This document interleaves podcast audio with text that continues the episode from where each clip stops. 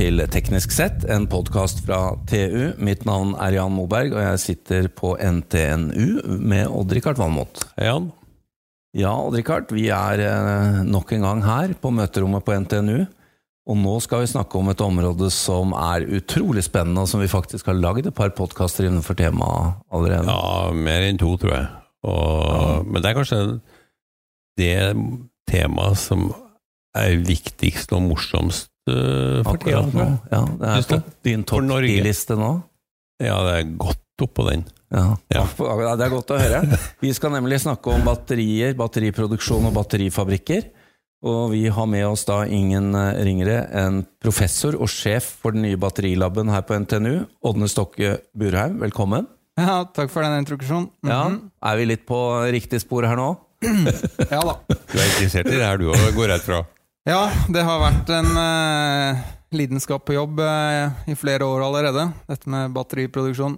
Ja, mm. Men uh, du må, jo, du må jo fortelle oss litt om denne batterilaben, bare innledningsvis, siden den er ny og har fått litt oppmerksomhet. Ja, vi har jo egentlig flere batterilabber på NTNU.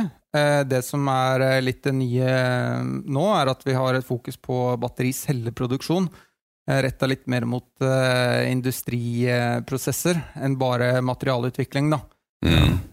Og det har sin bakgrunn i at det planlegges noen uh, batterifabrikker i Norge? Ja, uh, det er jo det. Det er jo i hvert fall fire store løp som går, hvor det er store aktører inne som alle vil bygge hver sine gigabatterifabrikker, da. Ehm, Så det er eh, veldig spennende å treffe den gjengen som på en måte kommer inn og har med seg et stort trøkk og eh, vil utrolig mye. Vi har jo snakka med alle de her, og det er eh, Det som slår meg, at det er jo fantastiske planer, og de driver og skalerer de opp underveis. Men det er vel riktig å si at det var kanskje det svenske Sugo Northvolt som fikk eh, Fikk det til å rumle litt? Jeg tror nok eh, det kan stemme at eh, Northvolt var en eh, rollemodell for, eh, for flere av disse aktørene. Man skjønte at uh, får de det til i Sverige, så får vi det til i Norge mange ganger. Ja. Men Ådne, uh, to ting. Eh, du, har satt, du har noen tanker om hvor stort dette kan bli for Norge.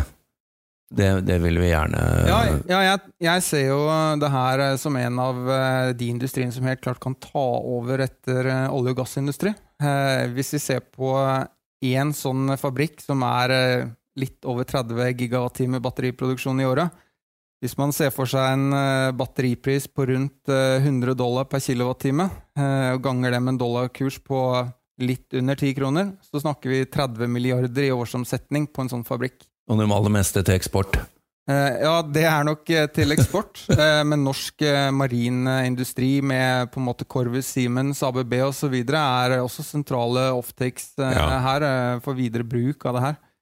Ehm, så det er jo fire sånne som ligger på eh, tegnebrettet og er i planleggingsfasen og skal være klart og operativt innen 2025. Um, Og det er bare starten. og jeg tror det bare er starten. Uh, hvis ikke de har mer enn fordobla kapasiteten sin innen uh, de neste fem årene, så tror jeg de har uh, feila grovt. Uh, man ser på anslag hvor mye det øker for hvert år eh, fra ulike konsulentselskap. Eh, hver gang du hører, så er det et nytt tall, og det er større enn forrige gang. ja. Eh, og ti sånne fabrikker innen eh, 2030 betyr jo egentlig eh, 300 milliarder eh, kroner, basert på disse tallene. Hvis vi sammenligner det med olje- og gassindustrien, eksporten, i eh, 2020, som var på litt over 300 milliarder, da er det samme størrelsesorden. Kan man si kanskje batteriet blir billigere, kanskje blir olje og gass billigere også, og eh, kanskje oppjusteres anslagene også eh, hvert år framover. Eh, så størrelsesorden, da er det her eh, ballpark det samme, altså. Det er jo en sånn floskel som heter 'hva skal vi gjøre etter oljen'? Det har vel aldri vært et um, mer solid svar på det, tror jeg. For det- dette er under bygging Ja, Virkelig. Og, ja, og, og oppskalering. ja, og jeg tror kostnadsmarginene er litt annerledes innenfor denne sektoren sammenligna med olje og gass, Ja. hvor du pumper noe rett opp, eh, raffinerer og sender ut.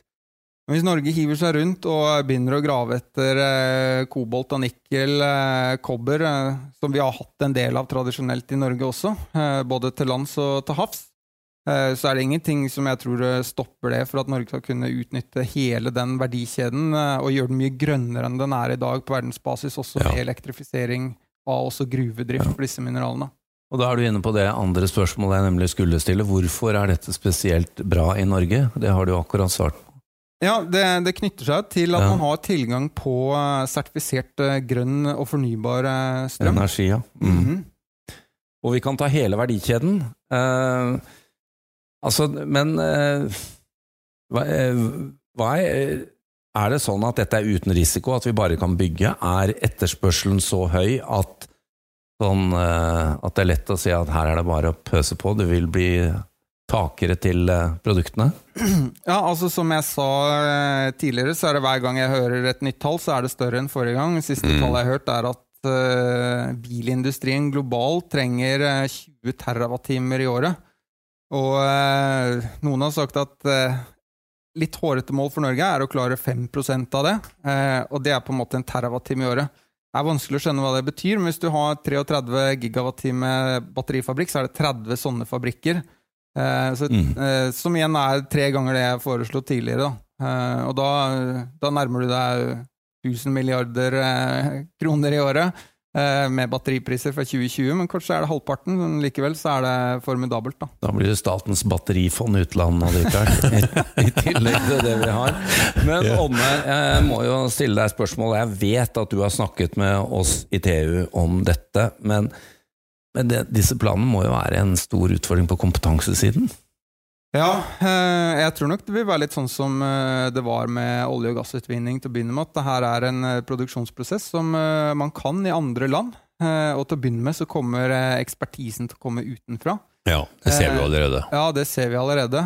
Mye den hands on-erfaringen.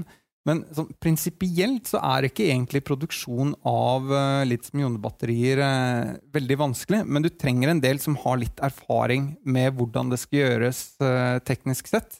Mm. Eh, og så eh, er det egentlig det å få omskolert eh, nok ingeniører fort nok, og få opp utdanningstakten, som er en, eh, en utfordring, da.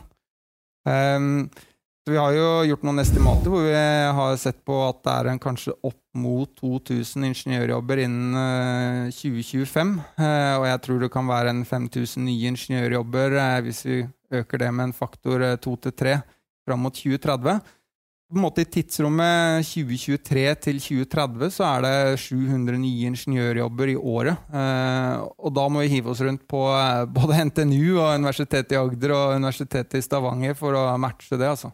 Er det da på bachelor- og masternivå? Ja, Det er på bachelor- og masternivå, og det trengs også folk som tar eh, doktorgrad på Ja. det her. da. Mm. Det er bare å gå i gang, da. og Bare omstille seg her på NTNU og andre steder. Ja, ja. Eh, nei, vi jobber jo med å få til det, og også få til gode opplegg på etter- og videreutdanning, som eh, vi håper å klare å lansere i løpet av høsten, faktisk. Eh, en utfordring for universitetene i Norge er jo at det er jo ikke bare å sette opp nye studieplasser. Man kan ikke, hvem skal man ta de fra? Da er det andre studier som får mindre. Så det å få på plass flere friske, dedikerte studieplasser gjennom statsbudsjett og den type ting er viktig for universitetssektoren. Men dette må jo være nasjonalt lønnsomt. øh, Ja dette, får man, ja, dette får man igjen for hvis jeg drar opp tallet på, eh, på 500 milliarder eh, i 2030. Hvis vi skal være litt eh, vel hårete, så er det liksom eh, og, og vi klarer å ta hele den eh, verdikjeden med mineralproduksjon til battericeller, så er det klart at det vil være, være god økonomi for Norge, det. Europa vil jo også like dette. De har jo mer lyst til å kjøpe disse cellene fra oss enn fra andre kontinenter. Ja, altså CO2-fotavtrykk i en energiintensiv eh, industri. Det er klart det er viktig. Ehm, så eh, det er ikke noen tvil om det. Um, men jeg tror at eh, det her er et, en industri som ruller og akselererer så fort at eh, det er ikke noe trussel i utgangspunktet at dette også vokser i andre land. Eh, Nei. men der eh, tror jeg det er viktig at det er en industri som vokser raskest i de økonomiene som har best tilgang på fornybar energi, først. Eh, og så vokser jo egentlig fornybar energi eh, veldig, veldig mye i andre land og økonomier også. Men øh, europeisk bilindustri er jo redd for en sånn batterilock-in, hvor de ikke får tilgang på nok batterier fordi f.eks. produsenter i Østen vil ha de selv egne biler.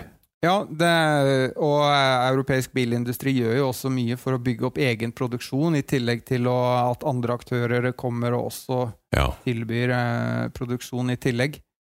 Um, Men bilindustrien er vel egentlig strengt tatt bare en del av dette her markedet som kommer til å bli mye større. ja, det er, det er nok den delen som vokser eh, størst, og eh, som vi ser Nå, ja. mest sånn, Ja. som forbrukere akkurat nå. Um, en ting som eh, vokser eh, en del, er jo det her med virtual grid. Altså at I stedet Ja. for å bygge ut ekstra kraftlinjer, så har du et batteri, eh, noen batteripakker i hver ende av kraftlinja. eh, Mm. For å på en måte ha jevn effekt i nettet. Ja. Um, Hvor, Men eh, bare eh, før det, vi må jo bare spørre Du kommer fra et hydrogenmiljø, eh, Ådne. Og Vi snakker mye om bil her, men du har jo eh, et klart svar til oss om hvorfor det nå er batterielektriske biler som eh, vinner terreng, og ikke hydrogenelektriske. Ja, hvis jeg spoler noen år tilbake, eh, så var det mye diskusjon sånn på 2000-tallet. Brenselcelle Og Richard var kjempefan av Ja. Brenselceller. Ja, og, og jeg er fan av brenselcelle, for all del. Til det rette formål og rette sted og, og rett tid osv. Så, videre. Eh, så jeg husker eh, vi hadde sett en del analyser av hvor mye må en, eh, en eh, personbil med litium-ionebatteri eh, liksom veie for at kunne kjøre en eh, 400-500 km. Og da da nærma det seg to, eh, to og et halvt tonn. Da, som Da måte er- godt. Ja, det, da, det tror vi ikke noe på. Så når Tesla kom med sin bil, så første modell S, så var det liksom Ja, men hvordan er det mulig? Den må jo veie eh, sånn to, to og et halvt tonn, liksom. Og så veide den 2,2 tonn. Eh, og da var det liksom sånn Jøss, går det går an? Eh, men jeg tror nok at eh, verdien av å ha infrastruktur tilgjengelig hjemme, på jobb eh, og så videre, også at det blir bygd ut egne ladestasjoner, som er kjempelett å gjøre fordi du har nett overalt. Ja. Det har vært en veldig viktig mekanisme oppi det med, med bil og Det er grunnstammen med elektrisk, elektrisitetsnett i Norge, eller overalt, da, det er det som er vinnerformelen. Ja, i hvert fall altså, i den vestlig utvikla delen av verden, så er jo det veldig godt uh, utbygd. da. Men i dag så ligger prisen på rundt 100 dollar per kilowattime. Det er jo fremdeles en stor del av øh, kostnaden for en, en elbil. Men den vil, vil vel falle med åra fremover. Det har jo, jeg har jo sett prognoser på det. Men så går jo forbruket så mye opp også. Hva, hva er ditt stalltips for prisutviklinga? Ja, Nå driver ikke jeg med veddemål den ene eller andre veien, eh, men Du kan sette bort den whiskyflaska. men det altså. kan godt hende at eh, man kan ha, se en halvering av eh, eh, batteripris eh, fram mot 2030. Eh, så kan det også hende at det skjer noe på eh, råvaresida, som er mineraltilgang, som gjør at kanskje ikke det lar seg realisere like godt. Ja. Eh, og ja, å spå, om, eh, å spå er vanskelig, og om framtida er enda vanskeligere. Så, så det der eh, gjenstår litt å se, tror jeg. Ja, øh, men det er, det er jo flere på en måte batterikjemier som konkurrerer nå. Om, og Morrow sa til oss for et par uker siden at de vil, øh, de vil se nøye på LMO, Mhm. som er mye billigere enn øh, det som de fleste bruker i dag. Ja, eh, både LMO og, og eh, jernfosfatbaserte kjemier eh, er jo rimeligere. Ja. Kanskje litt mindre på energitetthet enn uh, mer nikkelbaserte kjemier er. Mm. Uh, så jeg tror man vil se ulike segmenter rette seg litt mot ulike batterikjemier, avhengig av hva man er interessert i. Skal du kjøre langt og fort, så er energitetthet uh, viktigere.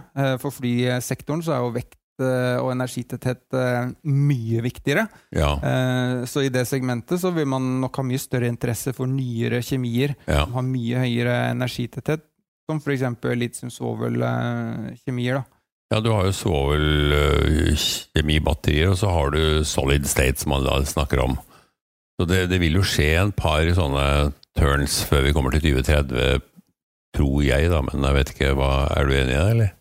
Ja, Solid State det er et uh, kapittel, det kapitlet jeg kanskje uh, skuler mest bort på hva jeg tror vil skje, av eh, mange ulike årsaker, og det er veldig teknisk. eh, men jeg tror at for eh, ulike teknologier vil ha ulike segmenter, og Ja. jeg tror når eh, europeisk bilindustri og de store aktørene på en måte har begynt å bli skikkelig gode på NMC-kjemier, som har mye nikkel i seg, Ja. så vil de på en måte foretrekke å jobbe med det de er gode på i store kvanta. for å ha en, Det er jo masse en masseproduseres, trygghet, ja. Ting. Uh, og, og det er ulike segmenter som har ulike behov. Uh, så LMO har jo, er jo også veldig stabilt, har lang levetid. Det kan være bra i nettinfrastruktur, stasjonære til la, lagringsparker osv. Um, det vil være segmenter for hver ulik kjemi, tror jeg også. Mm. Så vil du jo ha virtual grid, altså du vil jo ha store batteribanker, og det vil være mange applikasjoner som krever forskjellige kjemiske og tekniske løsninger, kanskje. Ja, ja, det vil være det. Jeg, Mm. tror sånn virtual grid, hvis man tenker sånn som eh, lading av eh, ferger, eh, hvor man ser at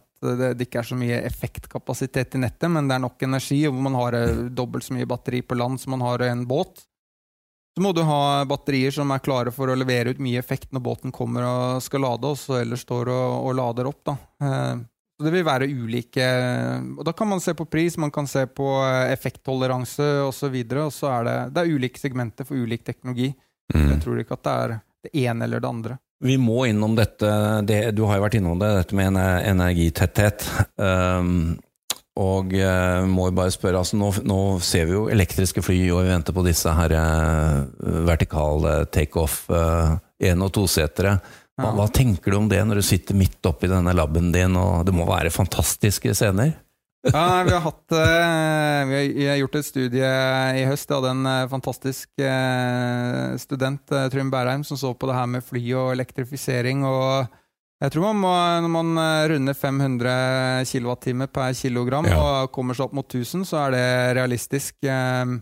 Om det skjer med NMC-kjemien, det er jeg litt usikker på, men det er jo en del andre spennende kjemier som vokser fram, og som kan modnes og passe for det segmentet. da.